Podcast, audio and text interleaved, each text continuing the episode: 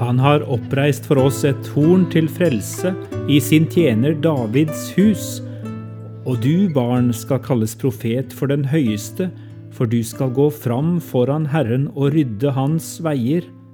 Lukas 1, 69 og 76.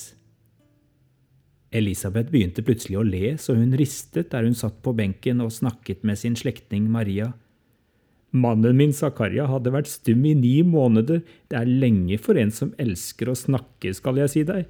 Da vi endelig ble foreldre for første gang, og han plutselig fikk stemmen tilbake, da bare boblet det over av sang og nesten uforståelige ord som hadde vokst inni ham i den lange stillheten.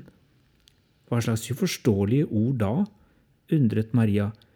Jo, han snakket eksempel om at det var et horn til frelse inne i tempelet. Etterpå spurte jeg Zakaria hva slags horn han snakket om.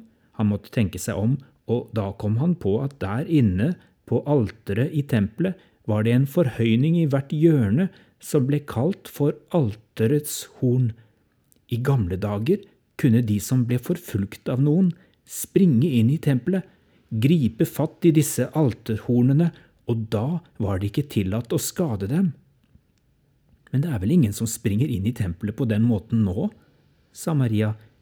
Nei, nettopp, sa Elisabeth, det er umulig for vanlige folk å nærme seg alteret. Frelsens horn må være en profeti om noe annet, avbrøt Maria. Jeg tror ditt barn Johannes skal gå foran og rydde vei for det nye hornet til frelse en tilflukt for alle som trenger Guds beskyttelse, tolket Maria. Jeg aner hvem det hornet er, smilte Elisabeth lurt.